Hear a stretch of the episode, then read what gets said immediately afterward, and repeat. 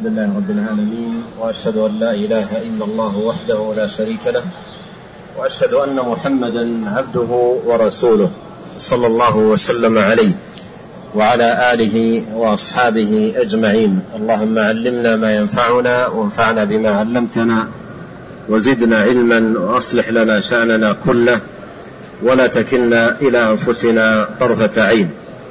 أما بعد نواصل القراءة في هذه الرسالة النافعة لشيخ الإسلام ابن تيمية رحمه الله تعالى. الحمد لله رب العالمين صلى الله وسلم وبارك على عبده ورسوله نبينا محمد وعلى آله وصحبه أجمعين. أما بعد فيقول شيخ الإسلام رحمه الله تعالى في قاعدة له مختصرة في وجوب طاعة الله ورسوله صلى الله عليه وسلم وولاة الأمور نعم.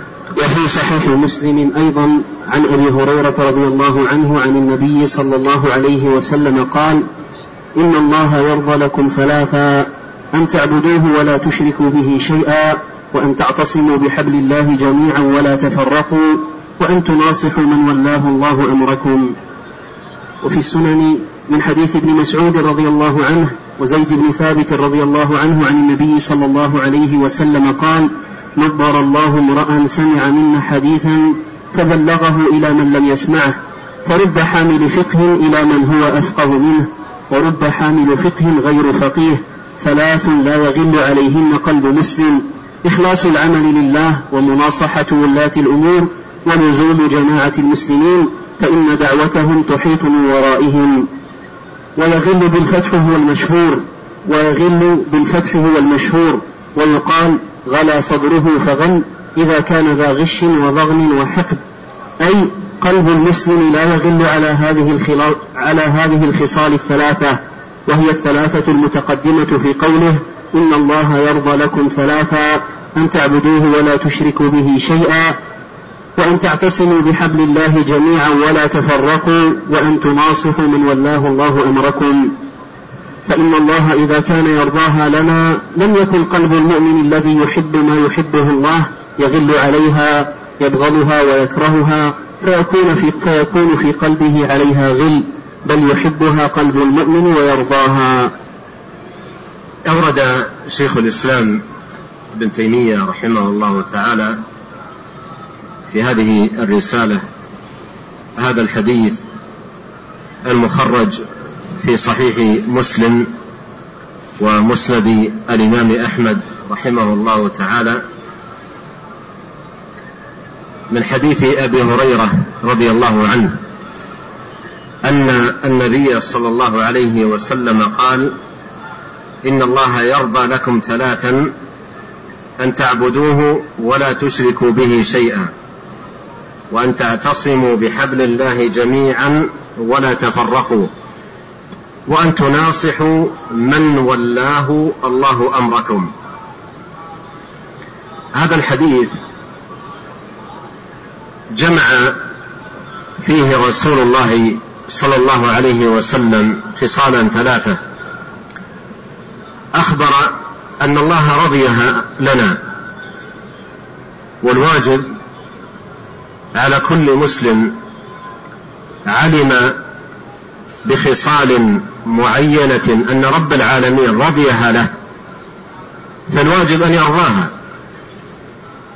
وأن تقبل عليها نفسه وأن لا يكون في نفسه شيء أو حرج من شيء منها لأن الله رضيها لنا.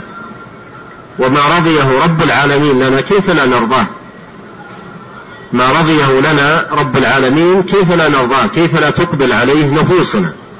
ولهذا سيأتي في الحديث الذي بعده.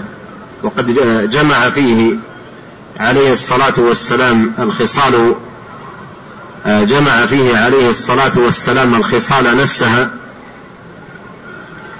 وقال فيه لا يغل عليهن قلب امرئ مسلم. إذا كان الله رضيها لنا فكيف يغل القلب؟ ومعنى يغل أن يحقد أو يبغض أو يكره. إذا أين حقيقة الإيمان بالله والرضا بشرعه ودينه. إذا كان المرء يجد في صدره شيئا من الغل أو الحقد أو عدم الرضا وعدم القبول من شيء رضيه الله. وقول النبي صلى الله عليه وسلم إن الله يرضى لكم ثلاثا هذا يدل أن هذه الأمور التي رضيها لنا جزء من الدين. جزء من الدين. الدين الذي شرعه لعباده. فهي داخلة في عموم قول الله سبحانه اليوم أكملت لكم دينكم وأتممت عليكم نعمتي ورضيت لكم الإسلام دينا. ولأجل ذا قال شيخ الإسلام ابن تيمية رحمه الله تعالى في بعض كتبه يجب أن تتخذ الإمارة والسمع والطاعة للأمير والوالي دينا يتقرب به إلى الله يتقرب به إلى الله سبحانه وتعالى لأن الله رضي لنا ذلك فكيف لا نرضى ما رضيه لنا رب العالمين وخالق الخلق أجمعين؟ وهو العليم. بمصالح العباد وما به تتحقق سعادتهم. وليست سعادة العباد فيما يرونه أو تهواه نفوسهم وإنما سعادتهم فيما رضيه له رضيه لهم ربهم سبحانه وتعالى. قال إن الله يرضى لكم ثلاثا. ذكر عدد الخصال وأنها ثلاث في مقدمة بيانه لها حتى يضبطها المسلم. حتى يضبطها المسلم. وأنها خصال ثلاث كلها اجتمع فيها رضا رب العالمين رضيها للعباد. والخصال الثلاث التي ذكرت في الحديث ورضيها لنا لا الصلاح للعباد في معاشهم وأمر دينهم إلا بها. فإن أمور الناس لا تنتظم ولا تستقيم من حيث الدين والدنيا إلا بها. وبهذا يعلم أن تخلي الناس عن هذه الخصال أو عن بعضها فساد لأمر الدين والدنيا. ومجلبة للشرور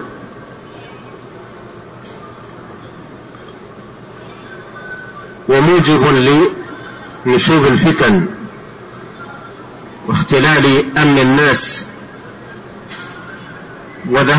وذهاب راحتهم وطمأنينتهم وقرار امرهم فهي أمور عظيمة جدا تنتظم بها مصالح الناس الدينية والدنيوية. فلا يجوز أن يستهان بها بل يجب أن يعتنى بها وأن يعتقد أنها من الدين الذي رضيه الله سبحانه وتعالى لعباده. ولهذا جرى عادة كثير من أهل العلم من أئمة السنة في الأجزاء المختصرة في بيان الاعتقاد ذكر السمع والطاعة في جملة المعتقد. لأن هذا أمر رضيه لنا. ولهذا سيأتي معنا في الحديث الذي بعده قال لا يغل. وفي رواية له لا يعتقد عليهن قلب امرئ مسلم إلا دخل الجنة. الخصال الثلاث. لا يعتقد. إذا هي عقيدة. وهذا لفظ النبي عليه الصلاة والسلام. قال ثلاث لا يعتقد عليهن قلب امرئ مسلم إلا دخل الجنة. رواه بهذا اللفظ الدارمي في السنن بإسناد حسن. فهو جزء من الاعتقاد جزء من الدين مما يتقرب إلى الله سبحانه وتعالى به مما يطلب به رضا الله. وكيف لا يطلب رضا الله بما رضيه للعباد؟ وكيف يطلب رضا الله سبحانه وتعالى بترك ما رضيه جل وعلا للعباد؟ قال إن الله يرضى لكم ثلاثا. أن تعبدوه ولا تشركوا به شيئا. وهذا أوجب الواجبات وأعظم الفرائض على الإطلاق. توحيد الله وإخلاص الدين له والبراءة من الشرك. فإنه الأمر الذي خلق الخلق لأجله وأوجدهم لتحقيقه. وبه أنزل كتبه وأرسل رسله. وما خلقت الجن والإنس إلا ليعبدون. ولقد بعثنا في كل أمة رسولا أن يعبدوا الله واجتنبوا الطاغوت. وما أرسلنا من قبلك من رسول إلا نوحي إليه أنه لا إله إلا أنا فاعبدون. والآيات في هذا المعنى كثيرة. قال أن تعبدوه ولا تشركوا به شيئا. وهذا هو التوحيد. هذا هو التوحيد. هذا هو مدلول لا إله إلا الله. نفي وإثبات. الإثبات في قوله تعبدوه والنفي في قوله ولا تشركوا به شيئا. وهذا هو توحيد الله. وهذا هو معنى لا إله إلا الله. أن نعبد الله ولا نشرك به شيئا. أن نخلص العبادة له جل وعلا وأن نفرده بها وأن لا نجعل معه شريكا في شيء منها. قال أن تعبدوه. أن تعبدوه ولا تشركوا به شيئا أي أن تخلصوا له العبادة. معنى أن تعبدوه أي توحدوه تفردوه بالعبادة. ولا تشركوا به شيئا أي لا تجعلوا لأي أحد كائنا من كان من ملك مقرب أو نبي مرسل أو غيرهما. فالعبادة حق لله. لا يصرف شيء منها لأحد سواه جل وعلا. وبدأ به لأنه الأصل الذي يبنى عليه الدين. وتقوم عليه العبادة ولا قبول لعمل من الأعمال إلا به. حتى ما ذكر في الحديث من خصال لا تقبل من العبد إلا إذا قامت أعماله على التوحيد والإخلاص لله جل وعلا. أن تعبدوه ولا تشركوا به شيئا. هذا أصل الأصول والأساس الذي يقوم عليه دين الله جل في علاه. وأن تعتصموا بحبل الله جميعا. كما قال الله جل وعلا واعتصموا بحبل الله. وفي القرآن أمر بالاعتصام بحبل الله وأمر بالاعتصام بالله جل وعلا. واعتصموا بالله هو مولاكم فنعم المولى ونعم النصير ففي أمر بالاعتصام بالله توكلا عليه واستعانة به وتفويضا للأمور كلها إليه والاعتصام بحبل الله هو الاستمساك بدينه. فاجتمع في نوعي الاعتصام المأمور بهما في القرآن ما دل عليه قول الله تعالى فاعبده وتوكل عليه وقوله إياك نعبد وإياك نستعين وقوله عليه الصلاة والسلام احرص على ما ينفعك واستعن بالله. فالاعتصام بالله هو صدق الالتجاء إليه والتوكل عليه والاعتماد عليه وتفويض الأمور كلها إليه. ومن توكل على الله كفاه. أليس الله بكاف عبده؟ وأما الاعتصام بحبل الله فهو الاستمساك بدينه. فهو الاستمساك بدين الله وشرعه المنزل. وسواء قيل حبل الله القرآن أو السنة أو الدين كل ذلك تتناوله الآية ويتناوله هذا الأمر بالاعتصام بحبل الله تبارك وتعالى. وأن تعتصموا بحبل الله جميعا ولا تفرقوا. ذكر النهي عن التفرق بعد الأمر بالاعتصام بحبل الله. فيه دليل على أن عدم الاعتصام بحبل الله موجب للتفرق. عدم الاعتصام بحبل الله موجب للتفرق. وفي هذا دليل أنه لا اجتماع إلا على دين الله. وأن الاجتماع الحقيقي والائتلاف التام الموجب لسعادة الدنيا والآخرة والذي لا ينفصل لا في الدنيا ولا في الآخرة هو الاجتماع على دين الله وشرعه تبارك وتعالى. وهو الاجتماع الذي يبقى لأهله في دنياهم وأخراهم. الأخلاء يومئذ بعضهم لبعض عدو إلا المتقين. فكل اجتماع إلى افتراق إلا الاجتماع الذي على دين الله وشرعه فإنه يبقى لأهله في الدنيا والآخرة. واعتصموا بحبل الله جميعا ولا تفرقوا. النهي عن التفرق هنا نهي عن الاختلاف في الدين وارتكاب البدع والأهواء والضلالات الموجبة للفرقة. ولهذا قال بعض العلماء في معنى قول النبي عليه الصلاة والسلام ولا تباغضوا قال فيه نهي عن البدعه لأنها توجب البغضة لأنها تفرق. ولهذا يقال أهل السنة والجماعة وأهل البدعة والفرقة لأن دين الله يجمع والبدع تفرق الأهواء تفرق اتباع أهواء النفوس يفرق الجماعة جماعة المسلمين. يشتت شملهم يفرق كلمتهم يوجد بينهم التدابر والتعادي والتباغض.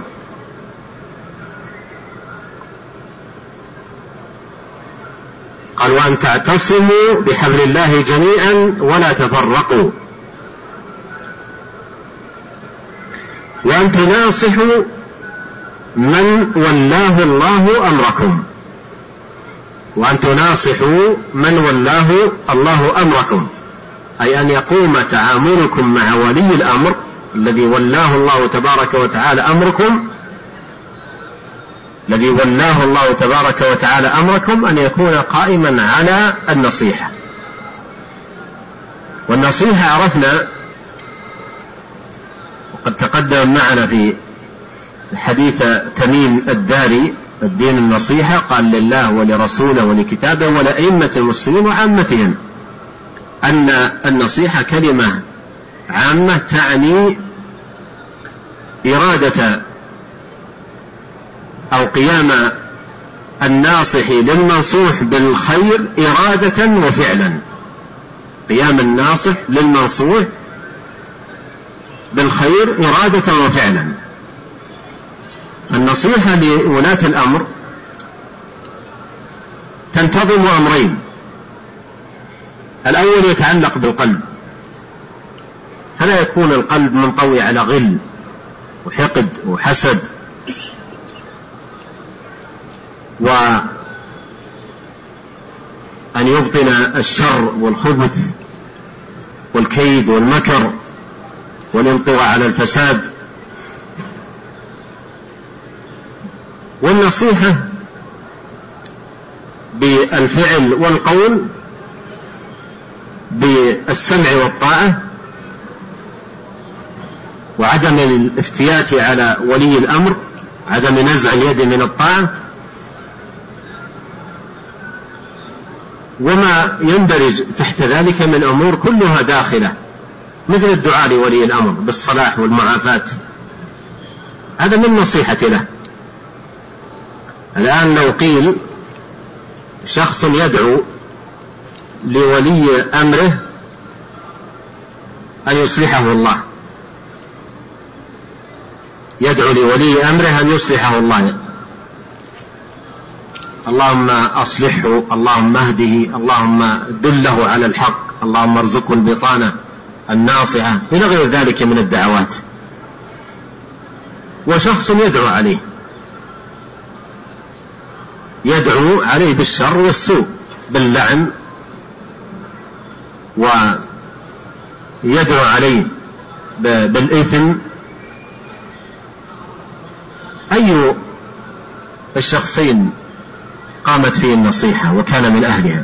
ولهذا قال بعض السلف رحمهم الله إذا رأيتم الرجل يدعو للسلطان فاعلموا أنه صاحب سنة. وإذا رأيتموه يدعو على السلطان فاعلموا أنه صاحب هوى. القلب فيه شيء لكن لو أن القلب فيه نصح لدعا له لأن السلطان في الغالب في ورطة. ومسؤولية عظيمة جدا تحملها. فيدعى له بالصلاح والمعافاة. يعني إذا ارتكب خطأ ليس معنى يدعى له إذا ارتكب خطأ يقال جزاه الله خيرا. لا يقال اللهم اهديه اللهم أصلحه. اللهم ارزقه البطانة الصالحة. اللهم وفقه للخير. ألهمه الصواب. دله دله على الصواب له حتى إن الفضيل بن عياض رحمه الله وهو من أئمة السلف وأكابر التابعين قال كلمة عجيبة ما يقدر عليها كل أحد. ما يقدر عليها إلا من بصره الله وفقهه في دينه. قال كلمة عجيبة جدا. قال لو كان لي دعوة مستجابة لجعلتها للسلطان.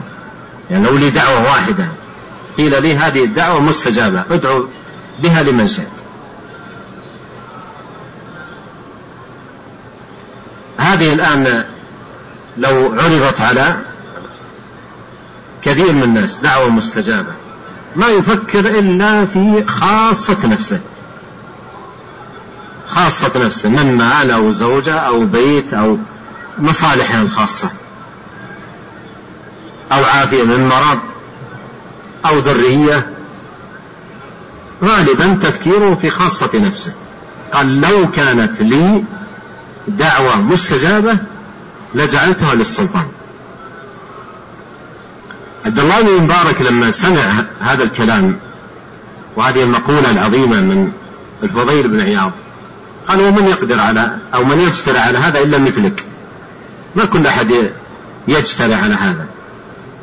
عبد الله مبارك لما بلغته هذه الكلمة قال من يجترع على هذا إلا مثلك. يعني مثلك ممن بصره الله وفقهه في الدين. حدثني أحد الأفاضل أنه كان إلى جوار الإمام ابن باز رحمه الله. ويطوف بالبيت. يقول فسمعته في كثير من دعائه يخص ولي الأمر. كثير من دعائه يخص ولي الأمر بالدعاء له. فمن يجترئ على هذا ويعنى بهذا؟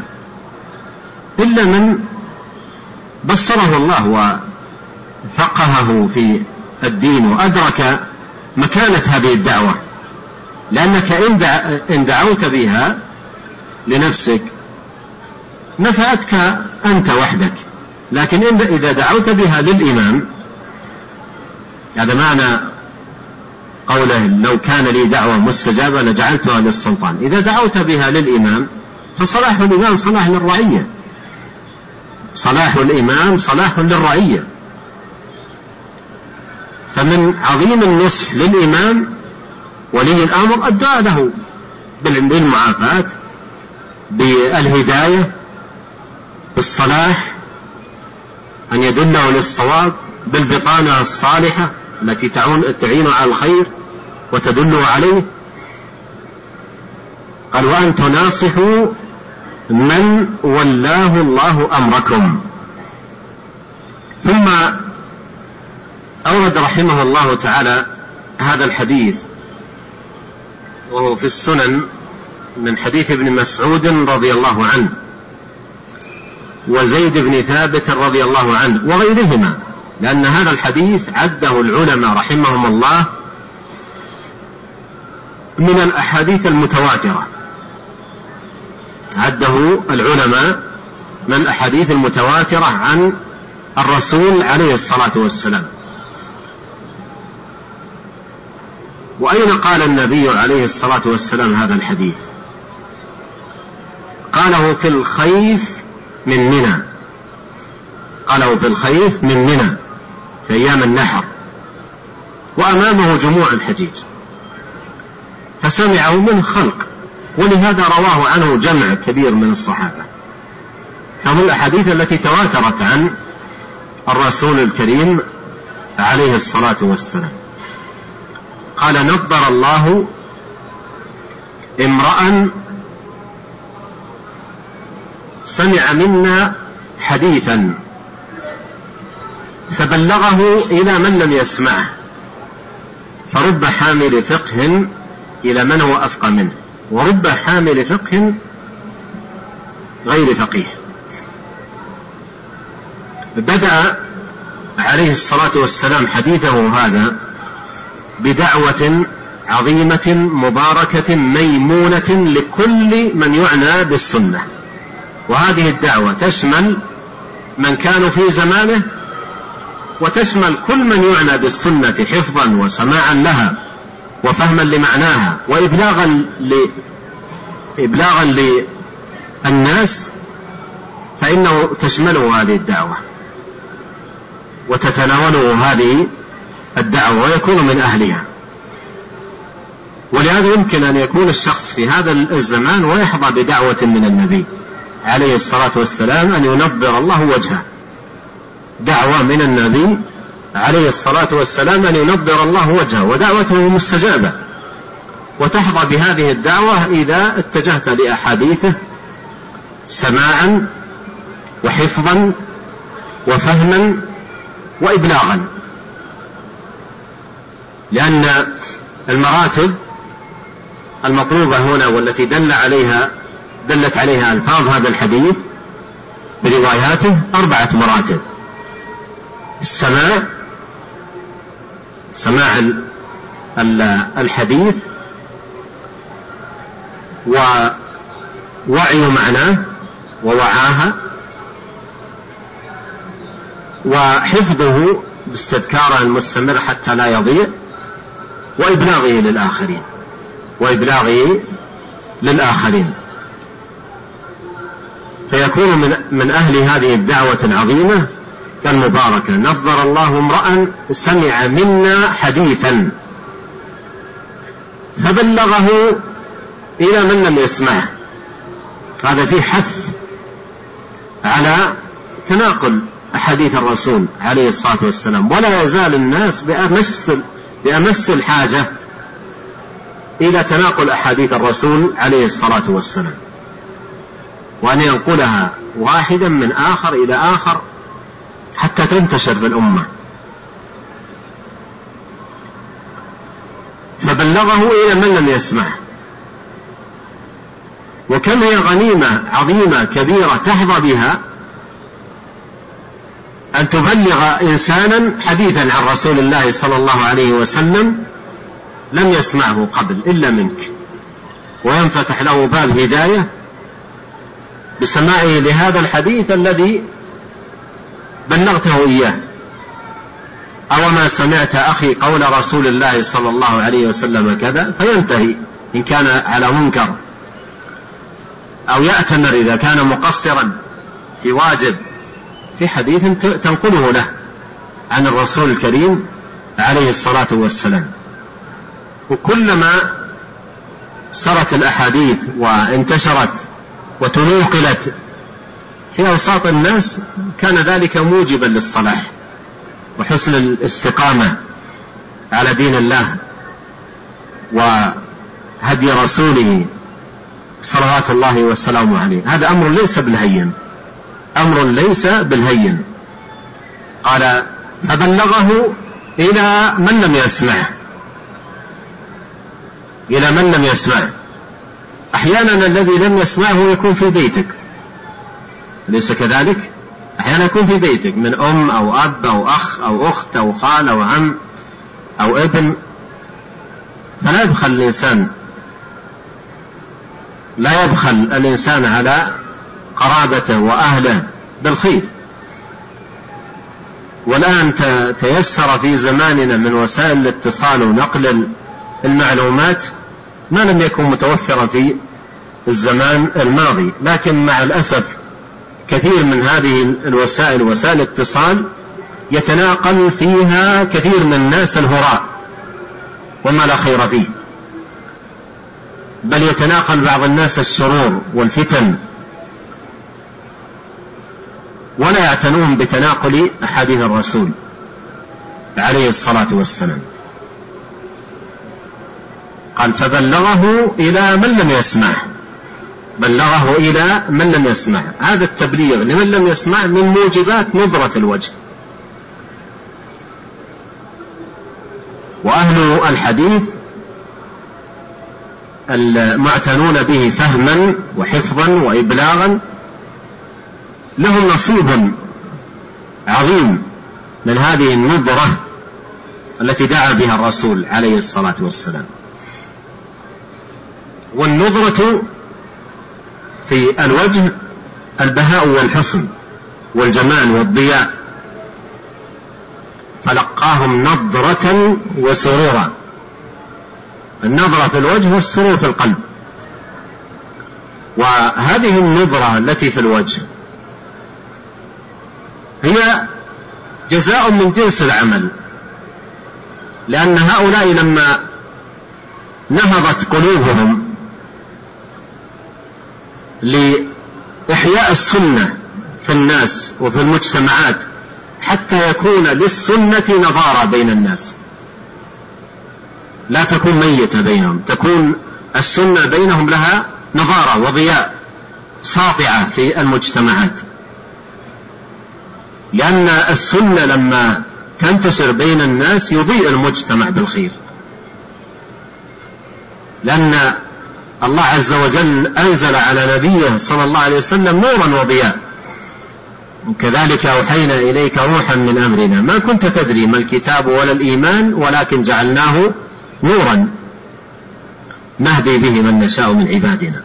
فمن ينشر السنة ويسعى في إيصالها للناس وإفادة المسلمين منها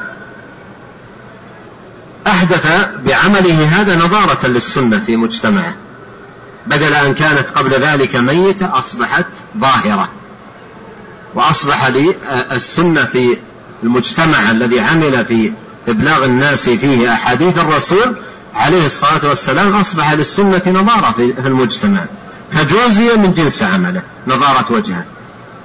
جزاه الله سبحانه وتعالى من جنس عمله. لما سعى في مجتمعه لنظارة السنة في بيته وفي جيرانه وبين الناس جازاه الله سبحانه وتعالى من جنس عمله بنظارة وجهه. قد نظر الله امرأ. سمع مقالتي فوعاها. قال سمع منا حديثا. قول حديثا هذا أيضا فيه عدم عدم الاستهانة بالنقل ولو حديثا واحدا. تيسر لك لا تستهين بهذا الأمر. حديثين ثلاثة أقل أو أكثر. اجعل لنفسك حظا ونصيبا من إبلاغ أحاديث الرسول عليه الصلاة والسلام. فبلغه إلى من لم يسمعه فرب حامل فقه إلى من هو أفقه منه. رب حامل فقه إلى من هو أفقه منه. يعني قد يكون الإنسان يحفظ أحاديث ولكنه لا يفهم معانيها فهما جيدا. قد تكون فيها من المعاني والاستنباطات والدلائل والهدايات ولا يدرك ذلك. فربما ينقل الحديث إلى عالم إلى فقيه إلى رجل عنده بصيرة فيستنبط منه من المعاني ما لم يكن يعلمها من نقل الحديث. لكنه على خير. على خير عظيم في حفظ الحديث ونقله وإيصاله. على خير عظيم جدا. فرب حامل فقه إلى من هو أفقه منه. قد تنقل حديثا لعالم مثلا أو لرجل فقيه قد يكون أول مرة يسمع أو سمعه مثلا ونسيه. ولكنه يكون أفقه منه من الناقل بمعناه ومدلوله. فرب حامل فقه إلى من هو أفقه منه ورب حامل فقه غير فقيه. يعني يحفظ لكنه عنده حافظة وليس عنده فهم. وعلى كل هذا وذاك كلهم على خير. كلهم على خير عظيم. ومطلوب نقل الأحاديث. والعناية بنقلها وإيصالها للناس.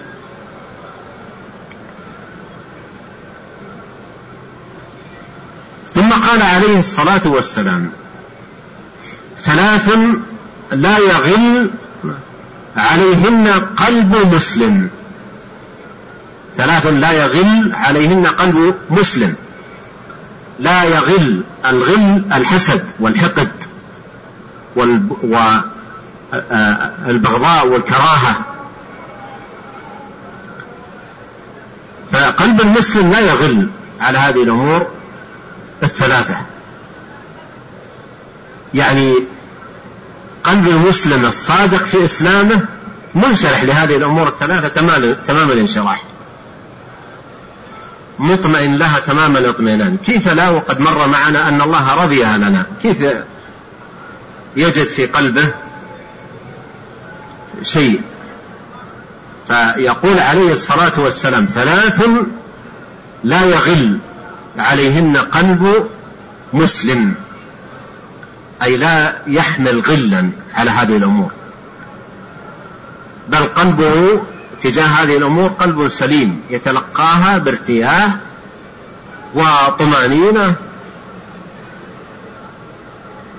ولا يجد في صدره شيء. وكيف يجد في صدره شيء على هذه الأمور؟ والله رضيها لعباده.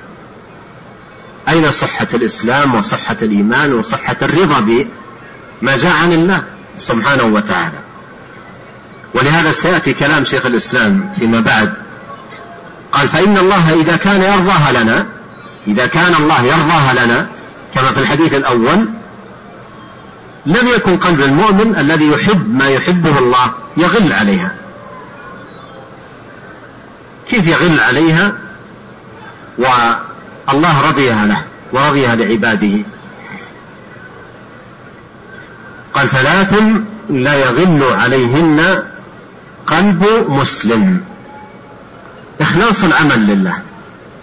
إخلاص العمل لله. أن تكون أعماله كلها خالصة لله. لا يبتغي بها إلا وجه الله سبحانه وتعالى.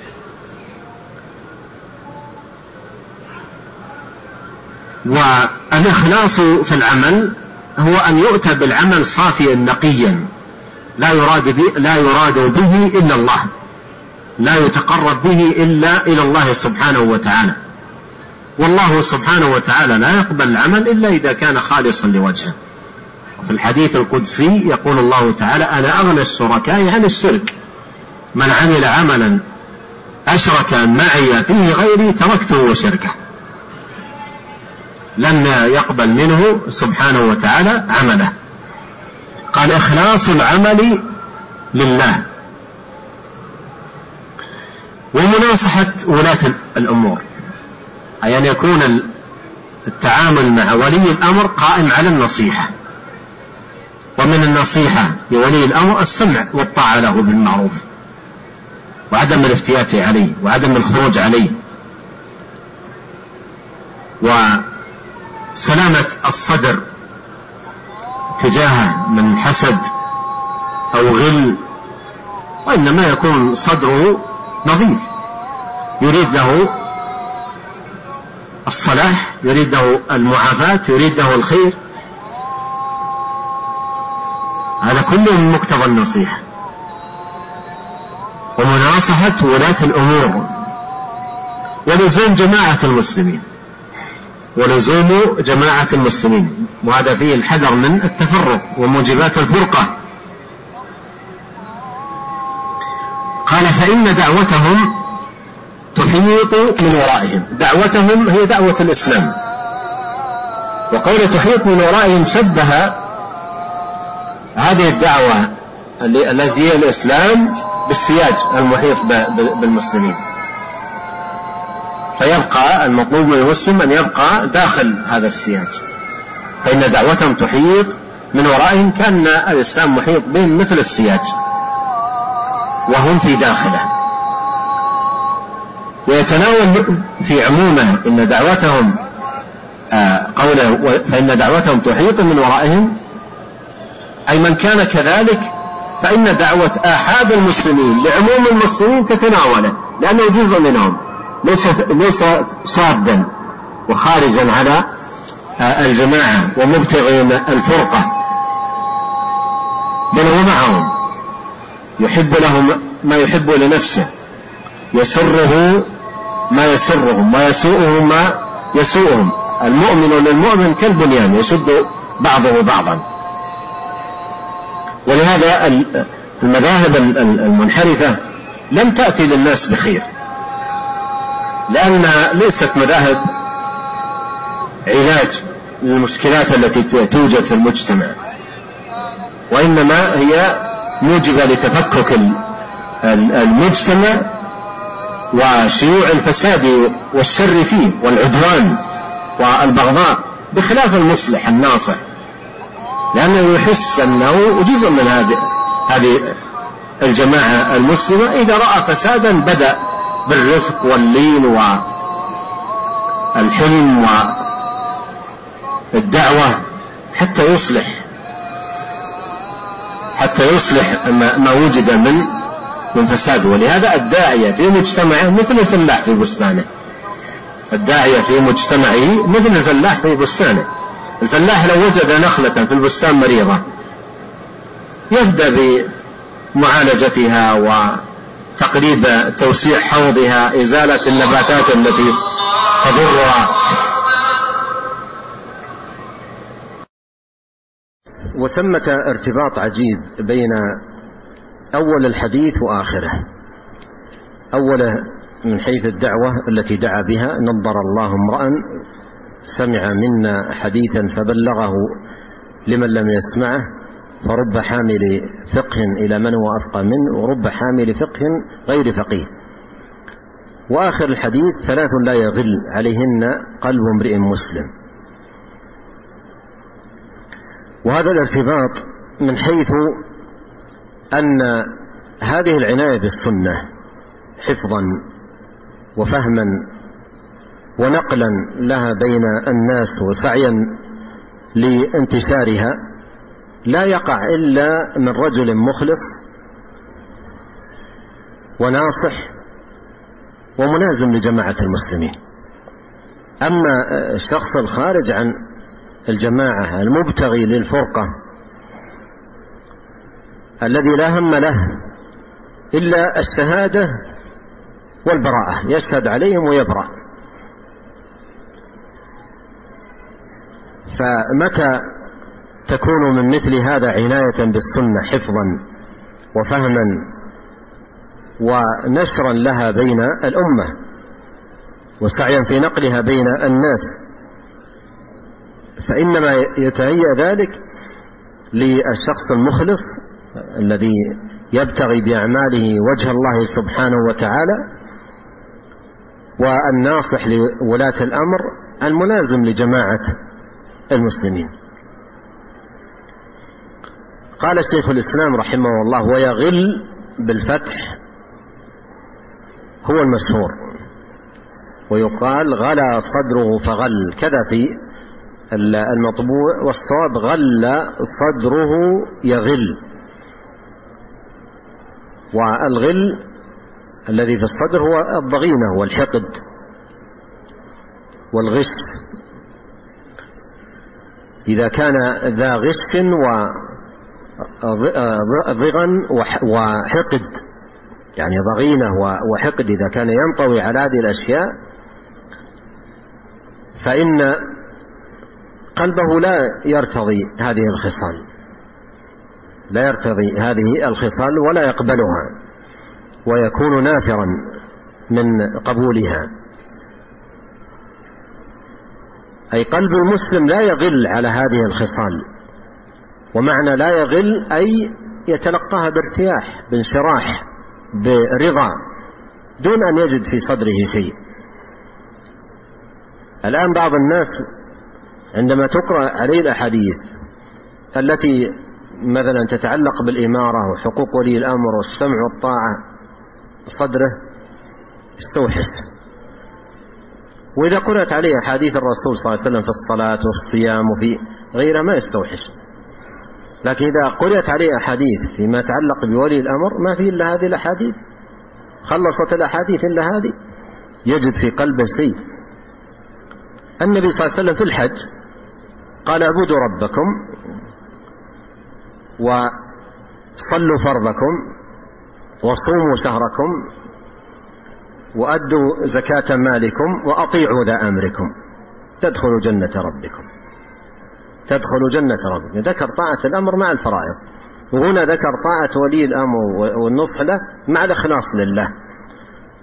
وأن كما أن قلب المؤمن لا يغل في باب الإخلاص لله أيضا لا يغل في النصح لولي الأمر. فلماذا يستوحش من أحاديث الرسول عليه الصلاة والسلام؟ إلا إذا كان القلب فيه عطب فيه شيء في هوى في مرض.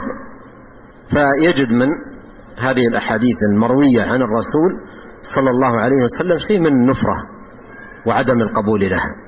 مع أن النبي صلى الله عليه وسلم قال لا يغل عليهم.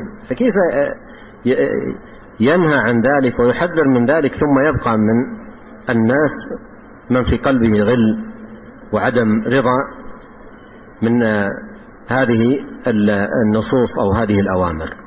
قال لا يغل على هذه الخصال الثلاثة وهي الثلاثة المتقدمة في قوله إن الله يرضى لكم ثلاثا.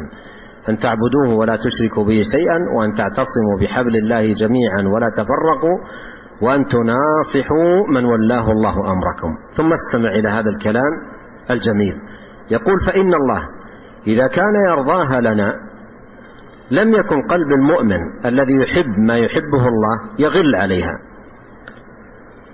يبغضها ويكرهها فيكون في قلبه عليها غل. بل يحبها قلب المؤمن ويرضاها. وجاء في لفظ لهذا الحديث وهو في سنن الدارمي. وفي تأكيد هذا المعنى الذي قاله شيخ الإسلام رحمه الله.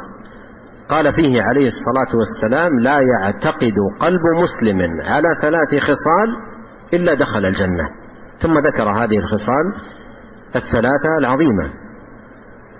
وبهذا الحديث يعلم أن كلمة عقيدة جاءت في أحاديث الرسول. جاءت في كلام الرسول الكريم عليه الصلاة والسلام. والعقيدة هي ما يربط عليه المرء من العقد والربط ما يربط عليه قلبه. ويكون في قلبه آه، أمرا جازما لا تردد فيه. وإنما على القلب على الثبات والجزم. إنما المؤمنون الذين آمنوا بالله ورسوله ثم لم يرتابوا. صلى الله وسلم على رسوله